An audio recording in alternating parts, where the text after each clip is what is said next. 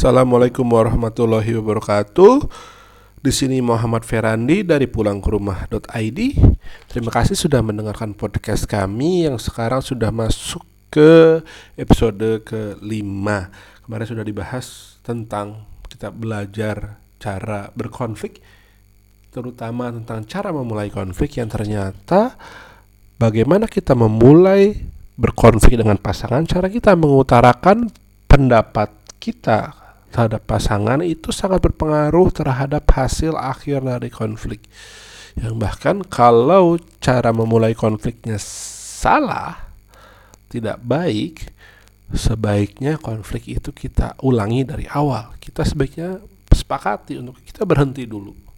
Kita istirahat sejenak, kita tenangkan diri, lalu kita mulai konflik lagi, memulai mengutarakan pendapat kita lagi dengan cara yang lebih baik. Dan berbicara tentang konflik, ada empat empat hal yang berbahaya ini ini sebaiknya tidak ada tidak ada dalam konflik yang ini adalah empat senjata setan. Dua senjata setan di yang pertama adalah masuk ke cara memulai konflik yang kemarin sudah dibahas senjata setan yang pertama. Jadi alasan menjadi namanya senjata setan setan ini berupaya untuk menghancurkan rumah tangga kita dan caranya adalah dia membisikkan rasa was-was ke dalam dada kita sehingga kita cenderung melakukan empat hal ini. Yang pertama itu sudah dibahas kemarin tentang mengkritik mengkritik pasangan yaitu kita menyampaikan perasaan pendapat negatif, perasaan atau pendapat negatif yang isinya menghakimi karakter atau kepribadian pasangan. Jadi kemarin sudah dibahas ada tiga cirinya. Tiga ciri kritik adalah diawali dari dengan kamu selalu. Yang kedua, kamu nggak pernah. Yang ketiga, kamu itu kenapa sih? Nah, solusi dari mengkritik itu adalah memperhalusnya dengan cara komplain. Komplain itu berbeda dengan uh, kritik yang kita berfokus pada pasangan kita. Katanya itu selalu kamu, kamu, kamu. Sementara kalau komplain itu dimulai dengan aku. Aku merasa tambah peristiwanya apa, tambahnya aku harapkan. Jadi kritik ini terjadi di banyak pasangan dan sebenarnya ini tidak terlalu berbahaya. Yang berbahaya adalah jika ini dibiarkan lama-lama dan jika ini sangat sering terjadi di pernikahan lama-lama bisa menjadi masuk ke senjata setan yang kedua, bisa menjadi senjata setan yang kedua. Apakah itu? Senjata setan yang kedua adalah merendahkan pasangan. Merendahkan pasangan itu seperti namanya. Kita merasa diri kita lebih unggul, lebih superior, lebih baik daripada pasangan. Jadi merendahkan ini sangat berbahaya karena merendahkan ini salah satu dari bentuk kesombongan. Yang kesombongan itu dalam satu hadis kutsi itu Allah berfirman bahwa Allah mengatakan bahwa Allah mengatakan bahwa uh, kesombongan sombongan adalah selendangku jadi ini tuh selendangnya Allah yang kalau kita pakai oleh manusia itu justru bakal membahayakan diri kita dan membahayakan pasangan kita. Termasuk ini dalam pernikahan yang membahayakan pernikahan kita. Bahayanya seperti apa sih? Di merendahkan ini dari empat uh, senjata setan, uh, merendahkan ini yang menjadi prediksi paling kuat terhadap perceraian. Jadi kalau di beberapa episode sebelumnya sudah dibahas kalau Gottman bisa memprediksi perceraian dengan tingkat akurasi di atas 90% dan yang menjadi faktor prediksi paling kuat adalah ada tidaknya merendahkan di dalam rumah tangga. Bahkan bisa dibilang merendahkan ini adalah racun dari pernikahan dan dampaknya bukan hanya ke berakhirnya perceraian tapi juga membuat kedua pasangan itu menjadi lebih mudah sakit. Jadi di pasangan-pasangan ini dalamnya ada eh, merendahkan itu pasangan itu cenderung lebih mudah sakit. Dan merendahkan ini membuat uh, pasangan lebih mudah bertengkar, lebih sering bertengkar dan konflik menjadi sulit untuk diselesaikan karena tak mungkin kita bisa menyelesaikan masalah dalam rumah tangga kalau kita merasa bahwa pasangan kita merasa muak dengan kita, merasa benci dengan kita.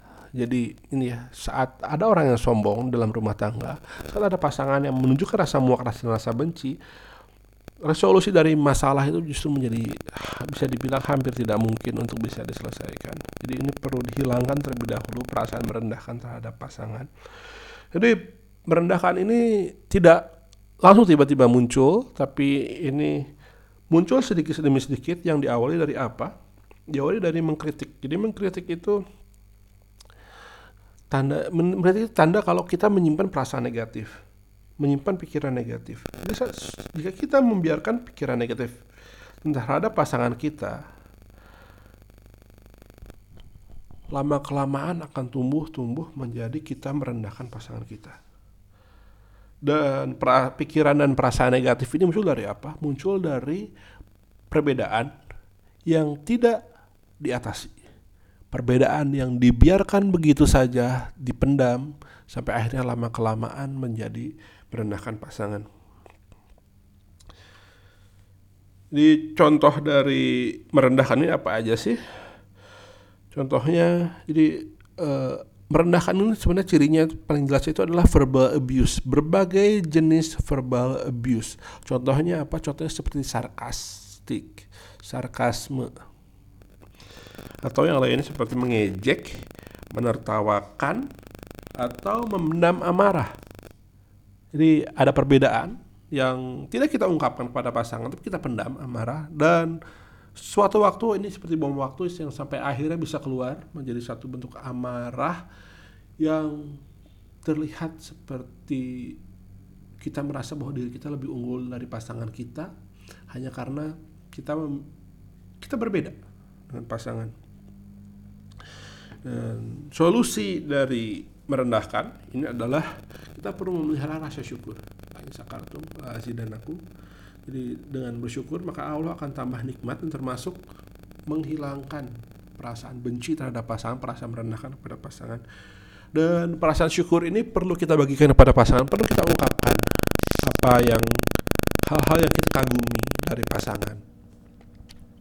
Jadi solusi dari merendahkan ini sebenarnya sudah uh, Rasulullah uh, ungkapkan dari 14 abad yang lalu dalam satu hadis yang diriwayatkan oleh Imam Muslim Rasulullah bersabda bahwa seorang mukmin ini tidak boleh tidak boleh tidak boleh membenci istrinya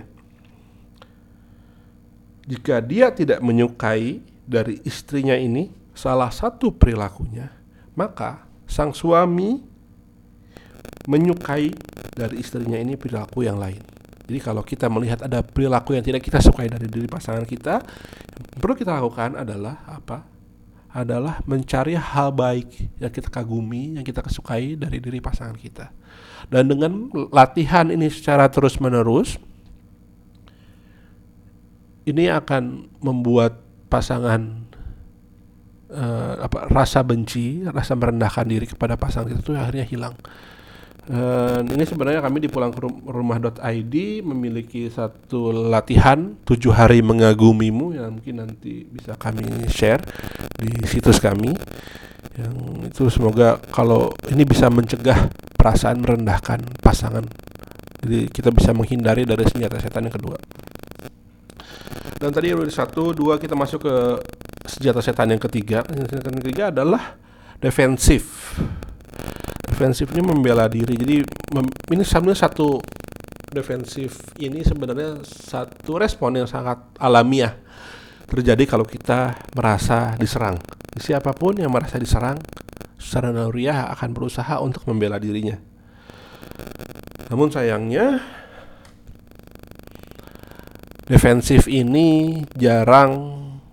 Di saat membela diri kita berharap pasangan kita itu mengubah pandangannya seenggaknya meminta maaf karena sudah menyerang kita. Namun sayangnya defensif ini jarang memberikan hasil yang sesuai dengan yang kita harapkan. Mengapa? Karena sebenarnya defensif ini adalah bentuk lain dari menyalahkan pasangan. Jadi saat pasangan menyalahkan kita, kita berusaha, oh bukan saya yang salah kok, tapi kamu yang salah. Nah, contoh dari defensif ini apa aja sih? Ada beberapa contohnya. Yang pertama itu menyerang balik. Contohnya saat pasangan kita mengkritik diri kita karena kita telat, karena kita terlambat, atau mungkin dia sudah menghaluskan dan menjadi satu komplain, dia merasa kesal karena kita terlambat. Lalu yang kita lakukan adalah menyerang balik. Contohnya dengan mengatakan, memangnya kenapa kalau aku telat? Kayak kamu gak pernah telat aja. Nah, dari situ kita bagaimana terlihat dari yang awalnya pasangan menyalahkan diri kita, kita berusaha enggak kok kamu yang salah. Lalu yang kedua, mengaku nggak bersalah. Aku nggak pernah telat kok, denial terhadap kesalahan kita. Padahal entah mungkin telat atau mungkin nggak telat, tapi kita mungkin pasangan merasa kita telat, tapi kita mengaku oh aku nggak telat kok. Lalu yang ketiga adalah uh, bentuk defensif yang ketiga marah sambil mencari pembenaran. Berani-beraninya kamu bilang aku telat.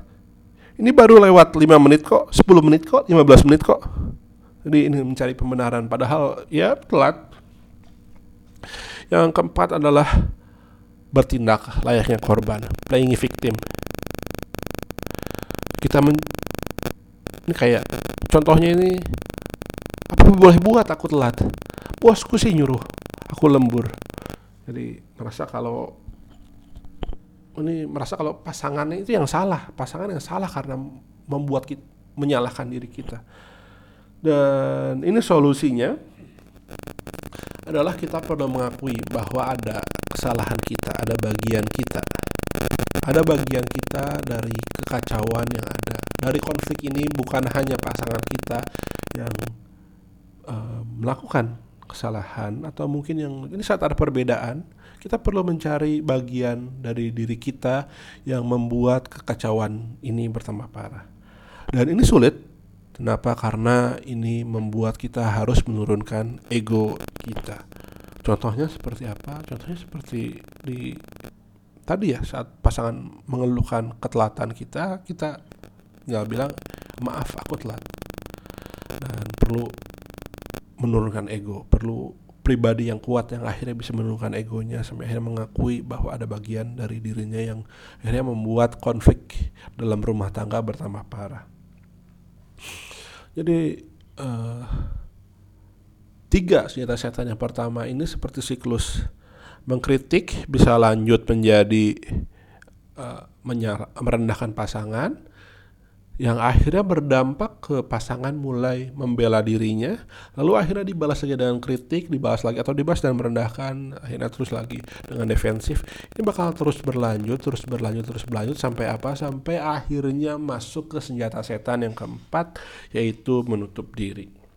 Perlu diketahui kalau biasanya dalam hal memulai konflik itu yang biasanya memulai mengeluarkan keluhan yang pertama kali itu biasanya itu wanita istri tapi yang melakukan senjata setan yang keempat itu biasanya suami. Yang biasanya menutup diri itu suami. Ini yang kalau di ada banyak istilah yang dipopulerkan oleh John Gray itu laki-laki masuk ke dalam guanya saat ada masalah perempuan cenderung ingin berbicara sementara laki-laki cenderung masuk ke dalam gua dan dari risetnya Gottman dia amati 85% pelaku menutup diri ini laki-laki. Jadi normalnya saat kita berkomunikasi dengan seseorang ya walaupun sedang konflik kita memberikan respon entah itu mengeluarkan kata-kata mengeluarkan kalimat sendiri mengeluarkan perasaan kita sendiri atau mungkin oh ya mengangguk-angguk oh ya oh ya itu satu tanda bahwa kita memperhatikan apa yang pasangan katakan apa yang pasangan keluhkan.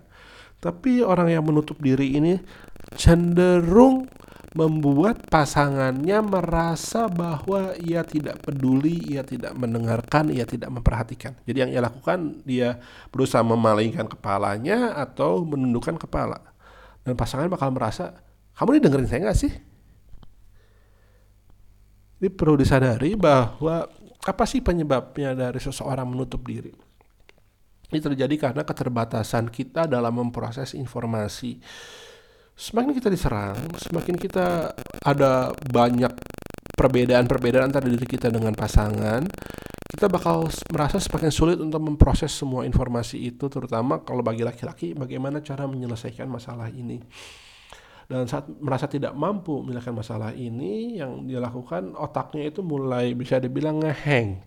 Yang ini salah satu cirinya ini sebenarnya dari segi fisiknya itu bisa terlihat dari denyut jantungnya. Orang-orang yang orang-orang yang menutup diri itu denyut jantungnya itu di atas 100 beat per menitnya. Ini sebenarnya sangat tinggi untuk kondisi normal.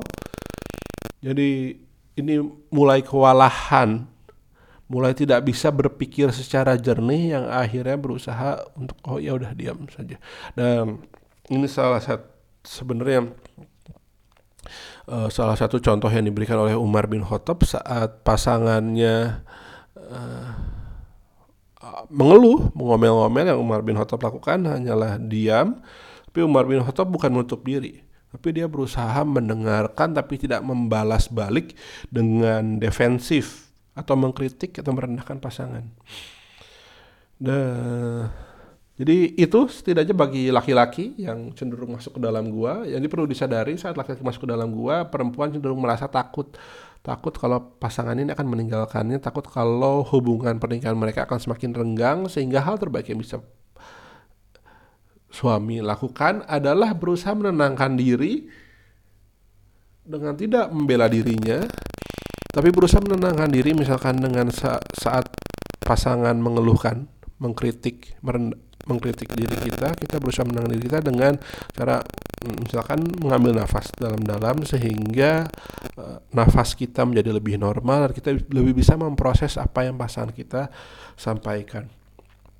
Namun jika belum bisa menguasai ini dan ini yang sangat Gottman sarankan karena jarang sekali laki-laki yang bisa menguasai ini ya tetap tenang saat konflik. Ini butuh latihan yang uh, sangat panjang.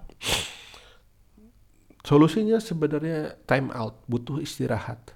Jadi salah satu ada anggapan yang sebenarnya nggak pas kalau ada masalah harus diselesaikan saat saat itu juga. Ini belum tentu tepat untuk semua pasangan karena di banyak rumah tangga ada banyak pasangan terutama di laki-laki yang cenderung kesulitan memproses informasi saat konflik dan dia butuh menenangkan diri sampai akhirnya dia sudah bisa lebih tenang. Jadi ini solusinya sepakati saja. Sepakati ini sebaiknya jangan saat bertengkar, tapi saat sedang tenang. Jadi kalau kita sedang konflik dan aku mulai terbawa ingin menutup diri, kita time out dan sepakati waktunya berapa lama 15 menit 30 menit 45 menit satu jam cuma jangan jangan istirahat tanpa adanya kesepakatan kapan akan dibicarakan kembali. Karena ini permasalahan yang didiamkan dan sementara pasangan tuh sebenarnya ingin membicarakannya itu bisa dampaknya bisa seperti bom waktu. Ini nggak akan masalah kalau ternyata suami istri keduanya merasa oh ya didiamkan pun kita sama-sama akhirnya menjadi baik-baik saja kok. Tapi saat satu salah satu saja merasa bahwa masalah ini belum selesai itu bakal menjadi bom waktu. Di ini empat senjata setan yang perlu kita hindari dalam pernikahan kita dan semoga solusi-solusinya ini bisa berguna sehingga konflik di dalam rumah tangga kita tidak akhirnya tidak menghancurkan rumah tangga dan akhirnya kita bisa benar-benar melindungi diri kita dari uh, gangguan setan dan karena ini memang gangguan setan jadi dalam menghadapi empat senjata setan ini kita perlu banyak-banyak meminta perlindungan kepada Allah sehingga konflik yang ada dalam rumah tangga kita ini tidak menghancurkan rumah tangga kita dan semoga konflik ini malah menguatkan rumah tangga kita. Nah, jadi ini empat senjata setan ini sebenarnya berdasarkan hasil pengamatan uh, dari konflik-konflik yang Gottman lihat dalam labnya bisa jadi ada banyak senjata setan lainnya yang sebenarnya kita walau alam kita tidak tahu. Ini hanya apa yang sudah teramati oleh penelitian dan penelitian tentu ada batasnya ya. Sementara setan itu gaib dan dia punya entah berapa banyak cara lain lagi untuk yang setan lakukan untuk menghancurkan rumah tangga kita. Tapi seenggaknya ini ada empat senjata setan yang sering muncul di dalam rumah tangga saat suami istri sedang berkonflik. Ya itu semoga bermanfaat. Ditunggu diskusinya bisa di Instagram atau mungkin bisa juga kirim voice note di uh, Anchor anchor.fm kami Terima kasih. Sampai jumpa lagi di podcast pulang ke rumah.id berikutnya. Di sini Muhammad Ferandi. Semoga bermanfaat. Wabillahi taufiq wal hidayah. Wassalamualaikum warahmatullahi wabarakatuh.